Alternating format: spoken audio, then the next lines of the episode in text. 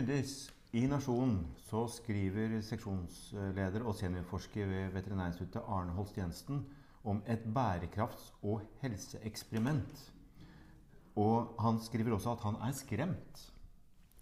Og uh, vi har uh, Arne Holst Jensen uh, her med oss i dag. Hvorfor er du skremt? Skal jeg være helt ærlig, så mener jeg at det på mange måter handler om framtida til barna våre og til det norske samfunnet. Det handler om arbeidsplassene vi skal leve av. Det handler om hvorvidt vi faktisk prøver å løse noen av de store globale og nasjonale utfordringene knyttet til bærekraft, knyttet til trygg mat, helse. Og min store bekymring er at vi i dag har noen som i veldig stor grad styrer samtalen i det offentlige. Og det er influensere, og det er mennesker som har veldig mye kan du si, innflytelsesmakt, men som ikke er så veldig opptatt av å finne sannheten eller de gode løsningene. De kan kanskje på mange måter nærmest fremstå som litt sånn frelst på én konkret løsning. Og det som bekymrer meg aller mest, det er at de i veldig liten grad blir konfrontert med hvilket grunnlag de faktisk bygger sine meninger på. Og der hvor vi som forskere stadig utsettes for kritiske spørsmål om hva er forskningen som dokumenterer ditt eller datt, så stilles det veldig lite spørsmål til disse innflytelsesrike menneskene. Så det er der jeg tenker at vi må starte. Vi må lære barna våre at de kan ikke bare stole på at en kjendis vet hva som er sannheten.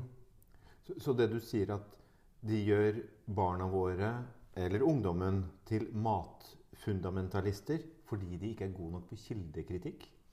Ja, jeg tenker at uh, hvis barn kommer hjem og forteller at nå vil jeg være vegetarianer fordi de f.eks. har sett Line uh, fikse maten, og Line fikse maten kommuniserer at kjøttproduserende dyr er klimaversting, så tenker jeg at uh, jo, jeg forstår at barna kommer hjem med den vurderingen. Og så må jeg samtidig stille spørsmålet har de da faktisk nok kunnskap om norske dyr og deres bidrag til bærekraftspørsmålet? Og har de nok kunnskap om hva det å slutte å spise kjøtt eller dyreavledede produkter har å si for helsa deres? Det er faktisk sånn at det finnes ikke dokumentasjon på at det er bra for nordmenn å slutte å spise kjøtt eller egg eller melk eller fisk. Jeg tenker at vi bombarderes med informasjon på veldig mange hold, og veldig mye av den informasjonen er i en litt sånn underholdende form. Jeg ser jo at tålmodigheten til å sette seg inn i saker blir mindre og mindre. Jeg har tre barn sjøl, og jeg ser jo hvordan det er både med dem og mange andre, og til og med vår egen generasjon. Det, det leses mindre, det gås mindre i dybden. Vi, vi, vi må ta stilling til ting uh, på mye kortere tid veldig ofte. Og, og, da er det klart at den som serverer budskapet på den mest sånn lettfordøyelige måten, vil veldig ofte ha større gjennomslag enn den som faktisk trenger tid for å formidle det som skal formidles. Og det er jo en av de bekymringene jeg også har her. ikke sant? Altså En komplisert sak kan kanskje i noen få tilfeller ha en enkel løsning. Men veldig ofte så er kompliserte saker nettopp ting som må vurderes fra tilfelle til tilfelle. Og spørsmål om mat og bærekraft og helse er kompliserte. Det er ikke sånn at det som kanskje gjelder for én eh, nordmann, gjelder for en annen nordmann. Eller at data fra et studie som er publisert i et veldig velrenommert tidsskrift som Science, basert på studier utført ved et velrenommert engelsk eller amerikansk universitet, har universell sannhet f.eks. For, for Norge. Så, så, det du sier, at når Line fikser maten eh, på NRK, så er det ikke nødvendigvis at hun forteller den hele og fulle sannheten? Eller holder hun noe skjult? Jeg tror ikke hun holder noe skjult, men jeg tror heller ikke hun er klar over på en måte eh, nettopp dette med behovet for å nyansere. Det er veldig lett å ta utgangspunkt, som jeg sier, f.eks. en studie la siden kommer fra Oxford University, publisert i Science, det er veldig, veldig tunge autoritative kilder. Og det som står der, det har selvfølgelig stor betydning og verdi. Og det kan også være verdifullt for oss som norske forskere å ta utgangspunkt i. Ikke fordi de tallene som står der nødvendigvis gjelder for norske forhold, men fordi de kan være med å hjelpe oss med å finne ut hvilke tall og, og hvilke data det er vi trenger mer av i Norge. Altså hva er det vi skal forske mer på for å kunne finne ut av om den norske kua er en klimaversting, eller om det faktisk er sånn at den norske kua er ganske ålreit når det kommer til stykket. Men hva bør vi som forskningsinstitusjon gjøre med det her? Har, har, vi et ansvar? Ja, vi har et helt klart ansvar. Og noe av ansvaret er jo å ta til motmæle når vi føler at informasjonsgrunnlaget for de som skal ta beslutninger, er for dårlig.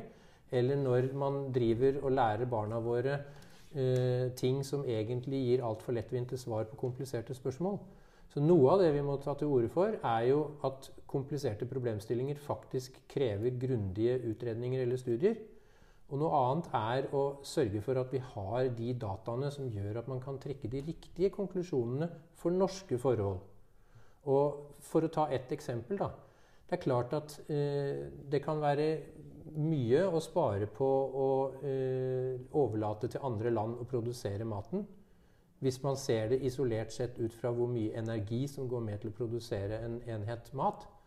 Men samtidig så kan konsekvensen av det være at vi da ikke lenger har arbeidsplasser i distriktene, og at vi ikke bruker det mulighetsgrunnlaget vi har for å lage vår egen mat. Og jeg mener at det er bærekraftig å produsere egen mat. Selvforsyning er faktisk en viktig del av selve begrepet bærekraft. Og da kan vi ikke basere oss på import. Og det er ikke klimavennlig å fly maten inn fra et annet land heller. Men I kronikken så er du inne på det med kildekritikk, og vi er inne på det hvor skal maten produseres. Men du tar også opp bekymring knytta til helse hos uh, befolkningen i Norge. Ja. Hvordan vil det eksperimentet her slå ut på helsa? Du er innom det også i kronikken din. Ja. Jeg var jo litt inne på det i stad. Altså når, når, barna kommer hjem og sier at de ønsker å bli vegetarianere, så ligger det jo i det at de faktisk legger om kostholdet sitt ganske dramatisk. Og vi vet veldig lite om hva store omlegninger i kostholdet faktisk vil innebære helsemessig. Vi har alle mange, mange, mange mikroorganismer, først og fremst bakterier, men også andre ting, i tarmsystemet vårt. De er veldig viktige fordi de bidrar til å prosessere den maten vi spiser, eller bearbeide den, bryte den ned, Eh, og de kan ha gunstige effekter, og de kan ha dårlige effekter på oss. Så det er viktig hva som er der. Men det er faktisk også viktig hva vi fôrer dem med. Så hvis vi begynner å fôre dem med noe annet enn det som kanskje egentlig vil være optimalt for sunne bakterier i tarmen, så kan vi risikere å få andre typer av sykdommer. Et begrep som brukes mye i forskningen, er mikrobiota, eller mikrobiom. Eh, det er litt vanskelig å forklare, men det handler altså om nettopp disse samfunnene av mikroorganismer. Og vi må egentlig forstå tarmen vår som et Sum, stort økosystem. Summen og sammensetninger av bakterier og Og andre typer mikroorganismer. Det fins mikrosopper eh, Ja, altså og, og, disse organismene de har vært en viktig del av vår kropp, eller våre forfedres kropp, og er det også i alle dyr.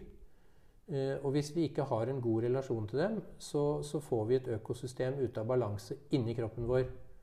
Og det går ikke bra. Da blir vi sjuke. Så hvis vi skal begynne å gjøre noen påvirkninger på det økosystemet, så må vi forstå det økosystemet. Og det økosystemet kan til og med være sånn at det som er veldig bra for deg, Gaute, eller deg, Bryndis, er ikke det samme som er bra for meg. Så selv om jeg skulle kunne se en film hvor det er en maratonløper som er veganer og setter nye personlige rekorder, så er det ikke det nødvendigvis allmenngyldig? Nei, Det er det ene. Og det andre er at den maratonløperen vil sannsynligvis være veldig opptatt av å bli veldig god maratonløper, men vil ikke nødvendigvis være veldig opptatt av hvordan helheten i helsetilstanden er. Kanskje det påvirker den mentale helsa på en veldig dårlig måte. Kanskje vedkommende rett og slett ikke har det noe særlig ålreit utover de gangene vedkommende løper. Dette er det ting som vi vet altfor lite om, men vi vet at dette mikrobiomet også påvirker vår mentale helse. Og vi vet at vi har stadig større problemer med immunsystemet hos mennesker, og at mye av det sannsynligvis henger sammen med at vi også har gjort dramatiske endringer i mikrobiom og kosthold. Uh, nå, nå, er det sikkert sånn at det, man kan ikke stoppe dette store eksperimentet. Det, det, vil, kanskje, det vil, kanskje, bare øke i omfang. Uh, for det, blir bare flere og flere bloggere, flere og flere som står fram, kjentiser eller ikke kjentiser. Hva, hva tenker du at uh, man bør gjøre for å, få frem det, det viktige her, og, sånn at folk ser på helheten og konsekvensene dette kan ha hvis det virkelig går på ville veier? Jeg tenker at vi alle som samfunnsborgere har et viktig medansvar for å bidra. Det ene er jo i skolen at skolen er veldig bevisst på hva de formidler til barna. Og ikke minst hvordan barna oppfatter det budskapet som formidles. Og så mener jeg at mediene har et veldig stort medansvar. Fordi de må etter hvert begynne å ta inn over seg at de tingene de skriver og gjør, påvirker folk og har konsekvenser. Og man kan ikke som redaktør fraskrive seg ansvaret for å skade folks helse eller skade samfunnsøkonomien bare med utgangspunkt i at man er opptatt av salgstall og oppmerksomhet her og nå. Det mener jeg er helt uetisk å gjøre. Og så er det selvfølgelig hva vi gjør og sier, eh, enten som fagpersoner eller som foreldre og medmennesker og kollegaer og venner osv. Altså, vi må tørre å snakke om disse tingene ved middagsbordet. Vi må tørre å snakke om det når vi er i selskap med folk. Og vi må tørre å stå i det offentlige ordskiftet og eh, si at dette handler faktisk om så store og viktige ting at om noen mener at vi er på villspor eller er kranglefanter og surpumper og hva vet jeg, gammeldagse og klimafornektere og alt mulig, så får vi bare stå opp og si nei. Det er faktisk ikke det dette dreier seg om. Dette dreier seg om noe som er mye, mye viktigere og større enn det. Og det er jo der du avslutter litt. Altså, med stopp eksperimentet, vær kildekritisk og sats i stedet på kunnskap.